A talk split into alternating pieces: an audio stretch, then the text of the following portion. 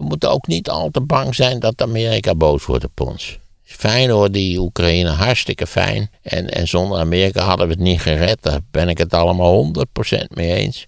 Maar we zullen toch god beter ooit een keer op eigen benen moeten staan. Het verlossen, kunt u mij horen?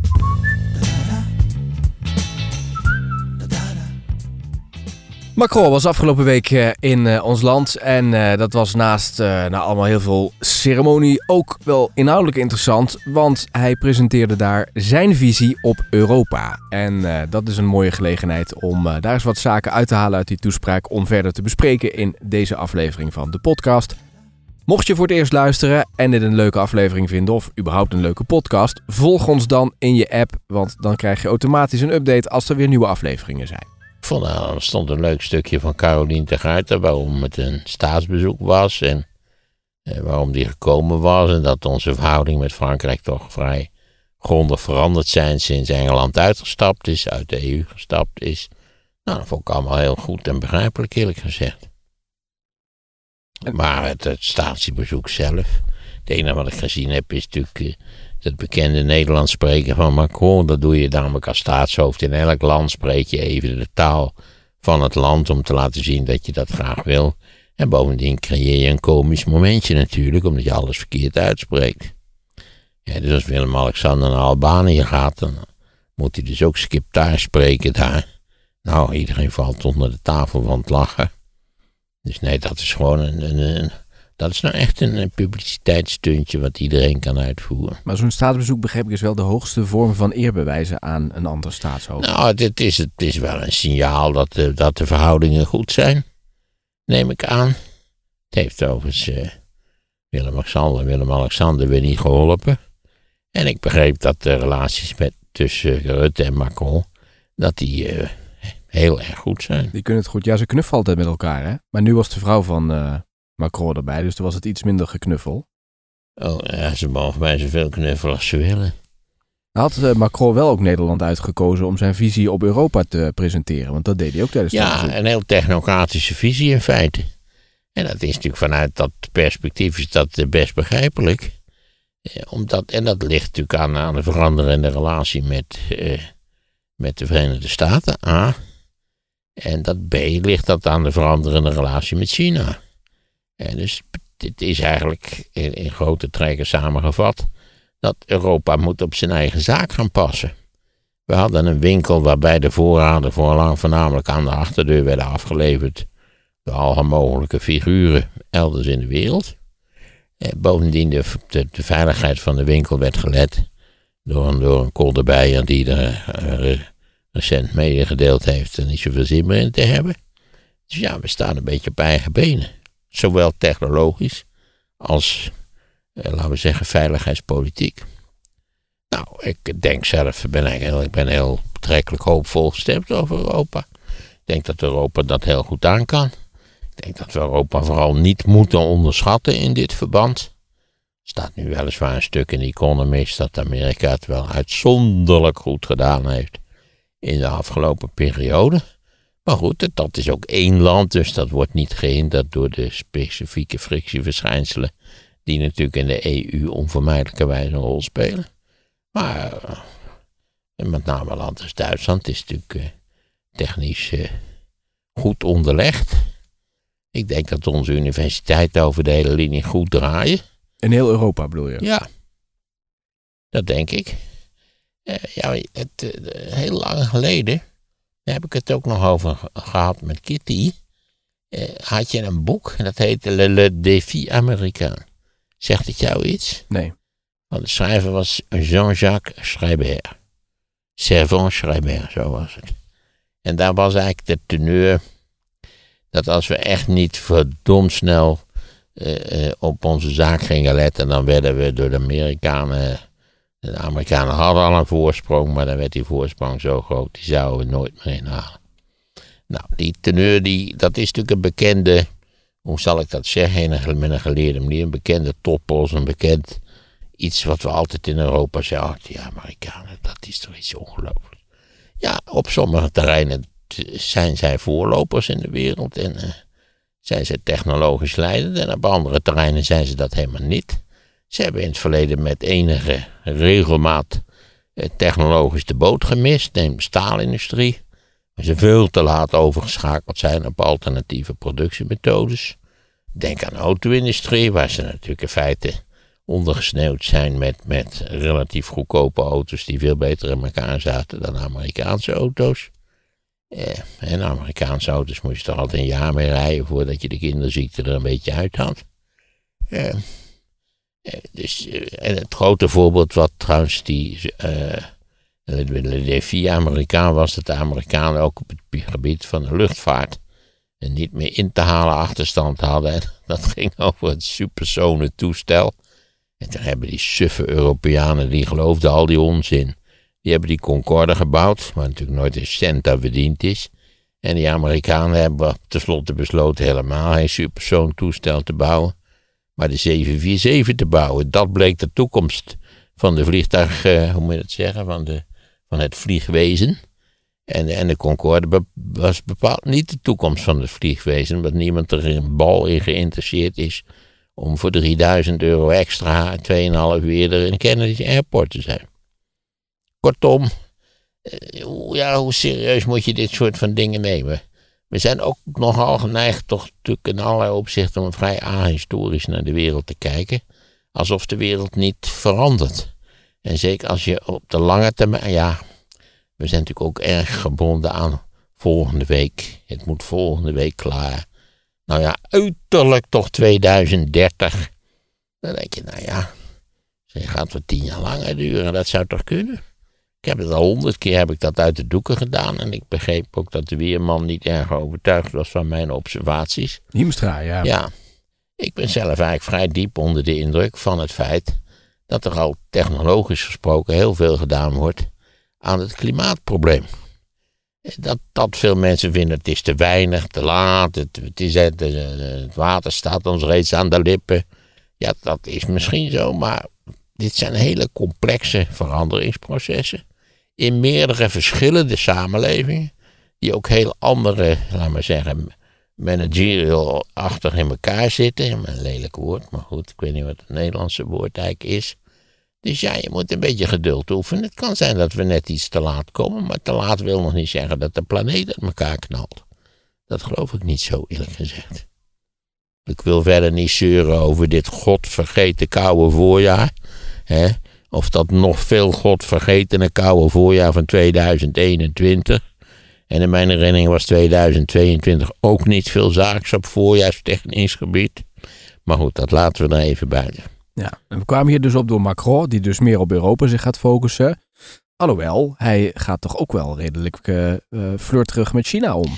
Ja, en daar wil ik ook nog wel iets over zeggen trouwens. Want dat, uh, hij, bij het afscheid van, van Xi Jinping. Daarna moeten we het even hebben over de, de concurrenten van de Europese Unie op het, op het wereldtoneel. Ja, want de, de, bekende drie grote spelers op het wereldtoneel, China, de Verenigde Staten en de Europese Unie. Dat wij altijd de Europese Unie weer niet als zodanig beschouwen. Dat we eigenlijk toch niet echt weten dat de Europese Unie een belangrijke afzetmarkt voor China is dan de Verenigde Staten. Misschien moet ik het daarom nu nog weer een keertje zeggen. Maar goed, dadelijk, meer over de Verenigde Staten en China.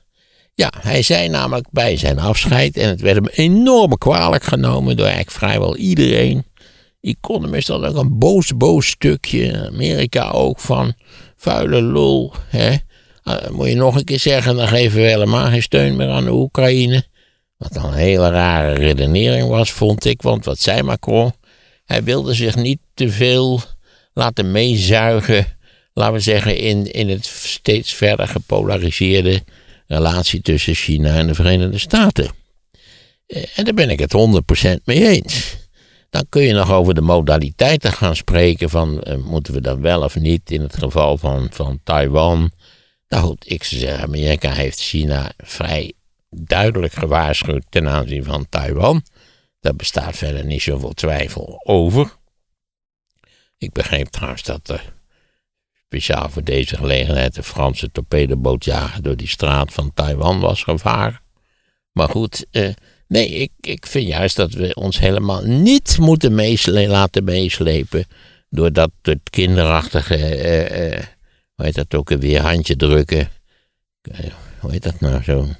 Dat je, dat je zo'n armpje drukken, heet het zo? Ja, een krachtmeting. krachtmeting tussen die twee kinderachtige patiënten, China en de Verenigde Staten.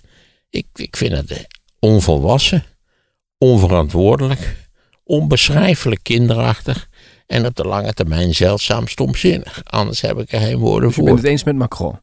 Ik ben het helemaal eens met Macron. Hoe je dan opereert, misschien had hij dat iets voorzichtiger in kunnen kleden ten aanzien van de Taiwan-kwestie. Maar zo op het eerste gezicht zou ik ook niet zeggen. We gaan er tegenaan. Europa gaat Taiwan, wat het ook kost, verdelen. Nou, laten we eerst eens kijken. Ten eerste denk ik dat de Chinezen het helemaal niet zullen doen. Dat is punt één. Ze zullen nog eindeloos doorgaan met van die zogenaamde oefeningen daar te houden. Eh, waarom zouden de Chinezen zo'n idioot risico nemen als dat? Ze gaan wel iedere keer verder. Hè? Ze hebben nu ook precisieoefeningen uitgevoerd. Ja, dat zegt maar allemaal niks. Precisieoefeningen. Eh, oorlog en precisieoefeningen, dat zijn twee totaal verschillende dingen. Dat kan ik je verzekeren. Dat hebben de Russen ook gemerkt in de Oekraïne. Maar ook geweldige precisieoefeningen. Kijk eens even. Ehm, nee, dus ik stond achter Macron. Ik vind dat de Europese Unie afstand moet houden van dat idiote gedoe. Niet waar, dat, dat, dat wederzijdse gejen dat schoolpleinconflict wat de Amerikanen en de Chinezen met elkaar voeren. Die dat beide doen, naar mijn inzicht, vanwege binnenlandspolitieke overwegingen. Het heeft heel weinig te maken met de wereld en de wereldpolitiek en wie, wie de machtigste in de wereld zou moeten zijn. Nee. En dan is natuurlijk het zo van, ja, als jullie, als jullie niet bereid zijn om in Taiwan iets te doen en, en, en iets op het spel te zetten, nou, dan geven wij ook geen hulp meer aan de Oekraïne. Wat een rare redenering. Denk je nou echt dat Amerika hulp aan de Oekraïne geeft vanwege onze mooie blauwe ogen? Omdat ze Europeanen zulke sympathieke lijven in een zulke spijkerbroek aan hebben of zo? Nee, natuurlijk. Het is voor Amerika is het essentieel. Niet waar dat, dat eh, de aanval, Russische aanval op de Oekraïne dat die beantwoord wordt. Omdat in het geval dat dat niet gebeurd zou zijn, de positie natuurlijk van de NATO in West-Europa ernstig verzwakt. Dus ze het zijn. gelegenheidsargument. Ja, dat is een puur gelegenheidsargument.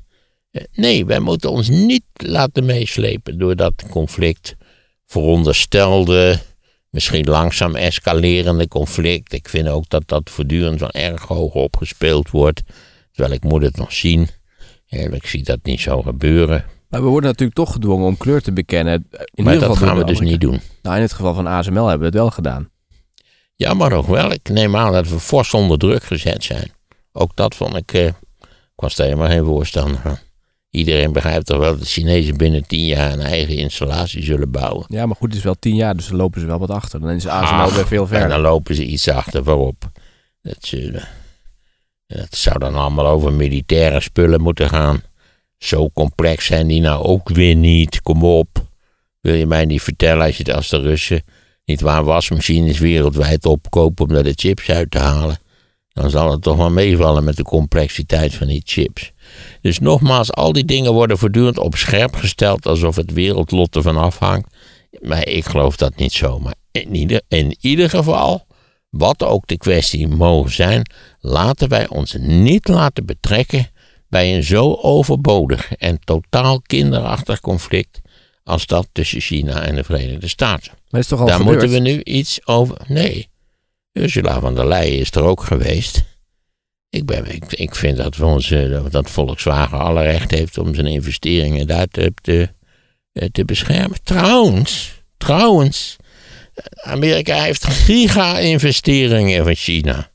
Dat hele idee van dat het allemaal op korte termijn wordt losgekoppeld, dat is flauwekul. Dat is helemaal niet aan de orde. Sterker nog, ik begreep dat de Chinezen eigenlijk zo'n beetje iets onder de oppervlakte van al deze deftige praatjes eh, voortdurend zeggen: nee, je kunt rustig investeren. Het zal zo vaart niet lopen en eh, gaan ze maar door. Oké, dus het is voor de bühne, zoals wel vaak het Een gebeurt. deel van die politiek is voor de bühne, ja, dat denk ik wel. Dat sluit aan op mijn analyse dat het vooral binnenlandse politiek is. En dat brengt ons bij de vijanden of de tegenstanders van de Europese Unie. Nee, dat brengt ons bij de angsten die in die beide landen leven. Want Xi Jinping, die heeft de teugels aangetrokken. En die is, was, was, was het ook weer, leider van alle dertien belangrijke managementsecties van het, van het politbureau. Dat is allemaal een beetje lachwekkend. Nee, dat heeft natuurlijk, wat er gebeurd is, de greep naar de macht van Xi Jinping, heeft alles te maken met de angst van de partij, die per slotverrekening een totalitair machtsmonopolie heeft in China, dat die partij bang was macht te verliezen. In een zeer snel zich economisch ontwikkelend land met een snel groeiende middenklasse en nou ja, met, met, wereldwijd opererende eh, digitale netwerken en alles wat erop en eraan hoort. Dus wat gebeurd is, is dat de partij, de Chinese communistische partij, heeft besloten intern, misschien speciaal daartoe aangezet door Xi Jinping, dat zou kunnen. Luister eens even, wij moeten tot geen enkele prijs de macht verliezen. Tot geen enkele prijs de greep op de Chinese samenleving verliezen. Dus we trekken gewoon de schroeven en de touwen allemaal wat strakker aan. Dat is de Chinese kant van de zaak. Interessant is natuurlijk dat het partijbelang in China niet het nationale belang is. Dat in feite, naar mijn idee, althans op de langere termijn, het partijbelang vaak in strijd is met het nationale belang. Het nationale belang is aanzienlijk groter dan het belang van die malotige partij. Dat is punt 1. Dit is China. Nou, noem, nog even de twee belangen. Wat zijn de verschillen daartussen? Dus het nationale belang. Partij, de partij is geïnteresseerd in zijn macht in de Chinese samenleving. Het nationale belang, zou ik zeggen, is dat China doorgaat op de weg van verdere economische ontwikkeling. En die, dat is deels ook mogelijk. En, en dat zal beter gaan als we niet allemaal eerst aan Xi Jinping thought hoeven te denken. Of andere onnozelheden die door dat regime nu verzonnen zijn. Maar daar denkt Peking anders over, want die denken er is een samenhang Zeker, tussen die twee. daar denkt Peking anders over. Maar daar denkt Maarten van Rossum ook weer heel anders over. Er is nog nooit op de echte lange termijn een land met een zo dwingende, een zo dwingend machtsapparaat. En daar, wat primair is, zijn de belangen van het machtsapparaat. Maar de primaire belangen van het machtsapparaat zijn niet de primaire nationale belangen. Dus met andere woorden, Xi staat verdere groei in de weg.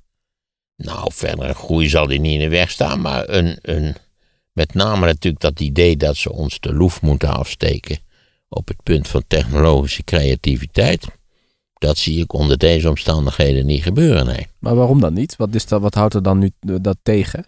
Nou ja, omdat zodra je iets anders doet dan eh Xi, Jinping thought denken, dan word je, word je gearresteerd of je wordt gehinderd of je bent... Maar heb je dat nodig om technologisch anders te dat denken? denk ik wel, ja. Uiteindelijk wel. Maar hoezo dan? Ja, je hebt altijd rare lui nodig, opstandelingen, creatievelingen, mensen die niet direct in de pas lopen. Je zult er zeker, en wil je, wil je dezelfde creativiteit tonen als westerse samenlevingen, en dat geldt voor heel West-Europa en de Verenigde Staten, dan zul je ook die, die ruimte moeten laten aan de mensen in die samenleving. Nou, ze hebben toch dat, is vaak, dat is vaak een zootje, maar dat moet je dan maar accepteren. Ja, maar hebben ze dat niet voor een deel met Jack Ma van eh, Alibaba? Ja, ik ben on- van die zo. de- Kijk, van die, van die bedrijven die eh, spulletjes verkopen, daar ben ik sowieso niet van onder de indruk. Het zal ongetwijfeld complexe software systemen zijn, maar verder ja, dat is, dat is de, die maken gebruik van technologie die er al is. Hmm. Eh, die bovendien uit Amerika komt, neem ik aan. Dus jij denkt ook aan Al wetenschappers ik dat, bijvoorbeeld. dat TikTok wel een bijzonder lollige software heeft. Ja, en ook eh, weer anders dan al die anderen. Ja. Ook die spionage. Nou goed. Al- Allemaal dingen waarvan ik wel denk. Kom op, mensen. Ja. Nou, dit En dat punt is belangrijke dingen. Dat is één kant van Ja. de zaak. De andere kant van de zaak is natuurlijk dat dat onaangename gedrag van China. Dat dat natuurlijk ook naar buiten. Kijk, dat is des te makkelijker te verkopen in het binnenland. Als je wel zegt dat er een hele, hele gevaarlijke, akelige buitenlandse macht is. die jou de pas wil afsnijden. Die jouw mogelijkheden wil beperken. En verdomd, de Amerikanen zeggen ook dat ze dat graag willen doen. Nogmaals, dat is op de lange termijn niet zo verschrikkelijk succesvol, denk ik, dat beleid. enigszins afhankelijk van hoe China zich ontwikkelt. Maar één ding is duidelijk. Op een, op een rare manier, die lastig te verklaren is, hebben de Amerikanen een tegenstander nodig. En het, kennelijk mist, missen ze in de buitenlandse politiek focus als er geen tegenstander is. Ze waren natuurlijk verslaafd aan die Sovjet-Unie. Nou ja, die gooide ineens de, handdoek in de ring en klaar was het. Chaos en rommel. En, en nu willen, vinden ze fijn dat dan China de tegenstander is. En dan komen we uiteindelijk op die, op die voortdurende retorische geopolitieke kletskoek over de wereldmacht. De wereldmacht. China streeft naar de wereldmacht. Maar Amerika heeft de wereldmacht al. En daarom zijn ze nu, nogmaals, mijn idee is dat de, de, de, primair bewegende onderdeel van deze twist eigenlijk binnenlandse politiek is, voornamelijk, en niet buitenlandse politiek. Dat is natuurlijk meestal zo. En wat is precies wereldmacht? Ik heb het al een keer eerder voorgerekend. Niet waar de drie grote spelers, de Unie, de Europese Unie, China en de Verenigde Staten, die maken met elkaar eh, ongeveer de helft uit van eh, de wereldeconomie. Dat betekent dat er een andere helft is die zij niet specifiek onder controle hebben. Daar hebben ze wel invloed. En nee, misschien iets meer invloed dan de anderen, maar bijvoorbeeld ook dat verdurende gepraat. Die enorme, levensgevaarlijke Chinese invloed in Afrika. Ja, ik zou, het was fijn dat ze dat daar hebben. Maar ik ben blij dat ik niet al te veel invloed in Afrika heb. Want ik weet niet wat je daar precies aan hebt. Je hoorde die praatjes in de Koude Oorlog ook. Angola, dat was echt. Man, man, man, Angola. Bij nader onderzoek bleek, geloof ik, dat Angola, daar heb je, had je een kuststrook. Met wat steden en dorpen. En daarna begonnen de zebra's. En, en veel verder ging, ging die invloed dan niet. Maar goed, dus de, de, de wereldmacht. Dat betekent dat al die drie grote spelers eh, op zichzelf niet veel meer uitmaken dan een zesde van de wereldeconomie. En, en, en, ja, ik zie niet in hoe je met een zesde van de wereldeconomie, als de rest althans niet mee wil werken, wereldmacht zou kunnen uitoefenen. Bovendien, wat heb je precies aan wereldmacht? Dat zie ik ook niet, dat zie ik ook niet zo. Want die wereldmacht die betreft eigenlijk de wereldeconomie. En die, die wereldeconomie, ja, daar, daar kun je wel enige invloed op uitoefenen. Maar de kans dat je je greep zo kunt verstevigen en verruimen dat je die hele wereldeconomie in, zijn, in je greep hebt. Zelfs Amerika heeft dat helemaal niet. Nou, ze hebben toch wel een behoorlijke invloed over de hele wereld. Ja, maar dan hoeven we, als we daar geen zin in hebben, hoeven we daar niet aan mee te doen. En nou ja, degene die we nog niet genoemd hebben, is de Europese Unie. En iedereen weet dat op het punt van regelgeving in de wereldeconomie de Europese Unie een hele belangrijke rol speelt. En dan komen we aan het punt natuurlijk dat Amerika, als het op deze weg doorgaat, we weten absoluut niet hoe het daar met de verkiezingen zal gaan, maar nou ja, kijk, Amerika is een zeer vitale, zeer vernieuwende economie met een totaal dysfunctioneel politiek systeem. Dat, dat, dat hindert in feite de ontwikkeling van het land in allerlei opzichten. En dat hindert ook de, laten we zeggen, de ontplooiing van de Amerikaanse macht op weg naar de wereldmacht of bij het behoud van de wereldmacht. Nogmaals, ik ben niet, wereldmacht is voornamelijk een woord. En, en niet, niet iets wat, wat concreet is, wat je concreet vertalen kunt. Als, als de Amerikanen zeggen je moet Amerikaanse auto's kopen, dan doen wij dat niet. Zouden ze wel graag willen, maar wij hebben er helemaal geen zin in, want het zijn waardeloze auto's. om maar een praktisch voorbeeld te geven. Dus ja, wat is wereldmacht? Ehm, de, de, Europese Unie, denk ik, die zou uh, er verstandig aan doen. Ik, ik, weet niet of ik dat las bij die Caliotti, waar we het eerder over gehad hebben. Maar als, als Europa natuurlijk zijn militaire middelen eh, botje bij botje legt en bereid is om dat, eh, laten we zeggen, wat centraler te leiden en te organiseren, dan zijn wij zeer wel in staat om, om Rusland militair partij te geven. Want als er nou één verblijdende mededeling geweest is het afgelopen jaar, dan is het toch wel dat het Russische leger niet bijster veel voorstelt. Dus, is het, eh, is het Russische leger zo ontzettend. Stel voor dat de Duitsers die, die, die Bundesweer weer op de rails krijgen. En de, de Fransen hebben een substantieel militair apparaat. De Fransen hebben nucleaire onderzeeërs, gaan ze bedoelen. Ik bedoel, waarom, waarom zouden wij niet ook op militair gebied onze eigen broek op kunnen houden? En laten we in godsnaam buiten dat achterlijke infantiele conflict tussen China en de Verenigde Staten blijven. Laat ik die dagen goede centen maar aan besteden, mij best. Maar dat moeten wij zeker niet doen. Maar romantiseer je Europa niet te veel nu? Nee, dat lijkt me niet. Als we nou, we hebben het eerder erover gehad. Zowel in de COVID-crisis als in de Oekraïne-crisis heeft de Europese Unie heel behoorlijk gefunctioneerd. Waar waren we het beste in ge, ge, hoe heet het, gevaccineerd? In de EU, niet in Amerika, hè? niet in Brazilië, niet in China. Met die, man, die maloot van Xi Jinping die totaal verkeerde keuzes heeft gedaan. Die ook nog tot gevolg hebben gehad dat al die containers op de verkeerde plek stonden. Ja, maar je geeft altijd af op het politieke systeem in Amerika. Maar in Europa is het toch ook niet zo geweldig georganiseerd? Nee, maar dat komt omdat wij een heel ander systeem hebben dan de, de Verenigde Staten is een bondstaat. Wij zijn een statenbond, daar is een fundamenteel verschil tussen. Wat is het verschil? Dat staat, in een statenbond zijn de deelnemende leden, die, uh, die zijn soeverein. Dus die moeten, hè, dat is de raad, die ver, uh, regelmatig in Brussel vergadert natuurlijk. En daar moet iedereen het eens zijn over het te voeren beleid. Niet op alle dossiers, maar op de wezenlijke dossiers moet unanimiteit bestaan. Overigens kan dat wat mij betreft wel een tandje minder, maar dat is nu weer wat anders. Nee, ik geloof helemaal. Kijk, iedereen weet, de EU functioneert moeizaam, de EU functioneert traag, de EU zit vol met fricties, maar de EU functioneert als het puntje bij paaltje komt. Dat is ook voor de Chinezen een heel interessante propositie. Nogmaals, wij zijn een belangrijker afzetmarkt dan de Verenigde Staten. Laat staan als de Verenigde Staten gaan besluiten, zwaar gesubsidieerd, zelf alle mogelijke spullen te gaan maken.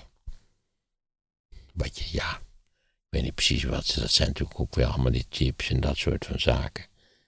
Het, blijft overigens vrij eigenaardig, achteraf gezien, dat dus een, een enkel bedrijf in, in, op Taiwan zoiets van 60% van de complexe chips in de, in de wereld produceert. Dat is dan toch ook wel een, een soort oversight.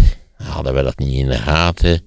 Is dat langzaam gegroeid? Eh, nou ja, dat je denkt van, nou, ja, strategisch is daar kennelijk niet over nagedacht.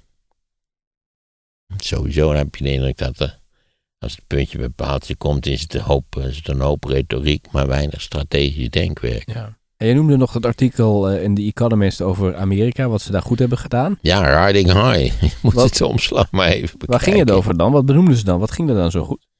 Nou, dat, ik, moet het stuk nog lezen. Of althans, ik heb het hoofdredactioneel over het stuk wel gelezen, maar het stuk zelf nog niet. Eh, het gaat erom eigenlijk dat Amerika het in de afgelopen jaren technologisch fantastisch heeft gedaan.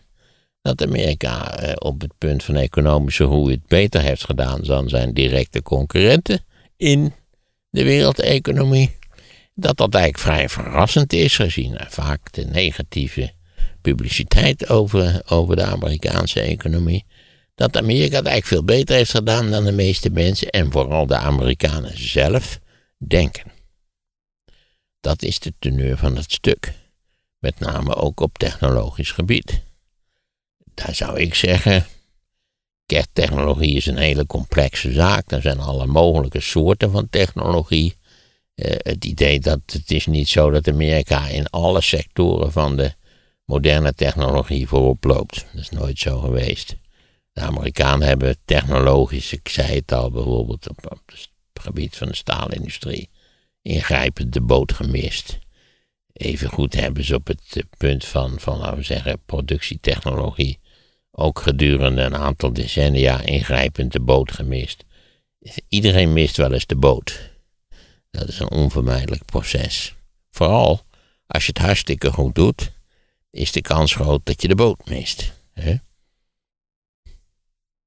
Je bent op weg naar de boot, van de Tesselse boot. Het gaat elk jaar goed. Je denkt nu ook van, nou, zal ze vaart niet lopen. We halen die boot, die hebben we al vijf jaar elke, elke keer gehaald. En dus die halen we nu weer. Ja, we zijn iets later dan normaal, maar goed. Wat maakt het uit? Ja, en dan steekt er een koe over en het hele verkeer staat er nu stil en dan mis je de boot. Zo gaat dat. Dus nee, ik, ik moet zeggen, ik, eh, in dit geval, die arme Macron. Ik, ik stond hier achter Macron. Want dat, dit, wat dit hele verhaal Ja, gaat ja. eigenlijk over de kwestie: moeten wij Macron in dit geval steunen, ja of nee? Het is natuurlijk een kwestie van hoe handig formuleer je het en, en hoe komt het over en in welke context wordt het gezegd. Maar in bredere zin vind ik dat de EU zich niet moet laten ophuwen om aan de Amerikaanse kant volledig, niet waar, zoals het in de Koude Oorlog steeds het geval was, de Amerikaanse kant te kiezen. Dat vind ik niet. Maar we, we moeten ze eh, ook niet van ons vervreemden. Dus een soort van balanceeract moeten we toepassen tussen aan de ene kant voor ons eigen belang staan. Nee, maar we moeten ook niet al te bang zijn dat Amerika boos wordt op ons. Fijn hoor, die Oekraïne, hartstikke fijn.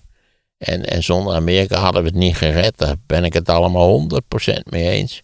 Maar we zullen toch god beter ooit een keer op eigen benen moeten staan. Ja. Hey, India heb ik jou niet horen noemen in dit hele verhaal. Nee, omdat dat natuurlijk nog steeds toch een eh, chaos is. Waarvan eh, we- we met een politiek sinistere en onzekere toekomst. eh, heb ik al niet eerder die. Vond ik altijd zelf een geweldig geslaagde anekdote. Dat, dat als je denkt dat India een natie is. Dan is de Europese Unie een van de best georganiseerde, coherente naties ter wereld. En India is een chaos.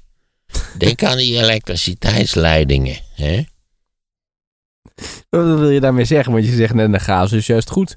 Er moet wat chaos Nee, zijn. dat is, nee, maar zoals alles. Alles heeft zijn voor- en tegens. Je moet een beetje chaos hebben. Je moet een marge hebben. Maar India is wel een vrij ingrijpend geval natuurlijk. Hmm. Maar ja, delen van India. die kunnen mee met, de beste in de wereld. Maar dat zijn delen. Dat puntje daar beneden, dat schijnt. Dat, dat is derde wereld van ergens denkbare soort. Maar geldt het voor China ook niet zo? Dat weet ik niet hoe dat in het acht. Nee, maar dat eh, China is ondertussen wel. eh, zo, zo, zo, heet dat, zo heet het ook weer. Middle income eh, economy. Ja. Maar voor de Eh, Verenigde dus Staten China hoort, toch niet ook? tot, China hoort niet tot de rijksten. Maar China is ook al lang niet meer arm. Nee. Maar bij de Verenigde Staten is Californië natuurlijk ook eh, eh, een, een ontzettend grote economie. En Ja, Californië is een eentje, maar dat geldt ook voor Texas. En deels voor New York State. Dat zijn, dat zijn eigenlijk substantiële economische mogendheden op zichzelf. Maar goed, die vormen onderdeel van de Amerikaanse Unie. En de Amerikaanse Unie die, die sleept natuurlijk ook een heleboel staten met zich mee die zwaar gesubsidieerd moeten worden. Een van de gekste dingen natuurlijk in Amerika is dat de blauwe staten, de democratische staten, die subsidiëren de rode staten. En die rode staten die zitten voortdurend de blauwe staten dwars met hun, met hun conservatieve kletskoek. Hè? Met hun schietpartijen. er zijn ook steeds meer bedrijven uit China die naar India gaan, hè? Nou, laten we zeggen dat. eh, ik las een heel stuk over Apple. Die op vrij grote schaal India, in India investeert. Maar ik begreep tegelijkertijd dat de schaal nog niet in de verte tipt aan, laten we zeggen, een bedrijf als, als Foxconn. Die, die, die eh, Apple-apparatuur in China maakt. Het is meer een, een soort buffer in de verte. Een soort van, van we zouden dat uit kunnen breiden indien de nood aan de man komt. We moeten een beetje een idee hebben van de lay of the land. Is het mogelijk en hoe ver? Nou, dan, dan dat, het, dat het plotseling de hele productie van Apple-spulletjes naar India zou verschuiven. Dat was niet mijn indruk. Nee. Nou, interessant verhaal. Conclusie dus van Macron, die ziet het goed. En eh, we moeten ons niet te veel onder druk laten zetten door de Amerikanen. Dat zou ik zeggen. Ja, laat je niet chanteren. Als de, Amer- de Amerikanen nogmaals, laat ik het nog één keer herhalen, die eh, subsidiëren of liever die helpen de Oekraïne niet vanwege de mooie blauwe ogen van Oekraïners en, Amerikanen en Europeanen, maar omdat zij dat strategisch als wezenlijk beschouwen voor hun eigen strategische veiligheid op de lange termijn. En wij zijn helemaal niet, wij moeten ons niet laten chanteren. Ja, wij helpen Oekraïne, dus jullie. Dan moeten jullie ook ons helpen. Nee, zo zit het strategisch en geopolitiek in de wereld niet in elkaar. Oké. Mocht je het leuk vinden om nog een aflevering van deze podcast te luisteren, dan raden wij van harte aan de aflevering over de natiereis van Maarten naar Wenen. Die aflevering staat in de beschrijving bij deze podcast en die kun je meteen luisteren. En ben je geïnteresseerd in de toekomst van batterijen? Luister dan naar de aflevering over de superbatterij. Met één volle batterij kun je namelijk in één keer van Amsterdam naar München rijden. Hoe dat zit, hoor je ook via de aflevering die je vindt in de beschrijving. Angola, dat was echt. Man, man, man, Angola. Ik heb laatst gelezen wat, wat de Apple eraan verdient en wat de Chinezen eraan verdienen. En dan moet je toch ook als Chinees denken, we doen iets fout. Dit moet op korte termijn moet dit veranderd worden, want dit is een hele onrechtvaardige zaak. En dat is het ook in allerlei opzichten. Maarten over de geschiedenis van China. Wat zich voltrekt in China en India en andere Aziatische landen is niet meer dan een onderdeel van datzelfde enorme proces wat ooit begonnen is tussen 1690 en 1750. Download het luisterboek via de link in de show notes. En wil je weten wat podcasting voor jou kan betekenen? Kijk dan op streamy.audio. Streamy met een Y.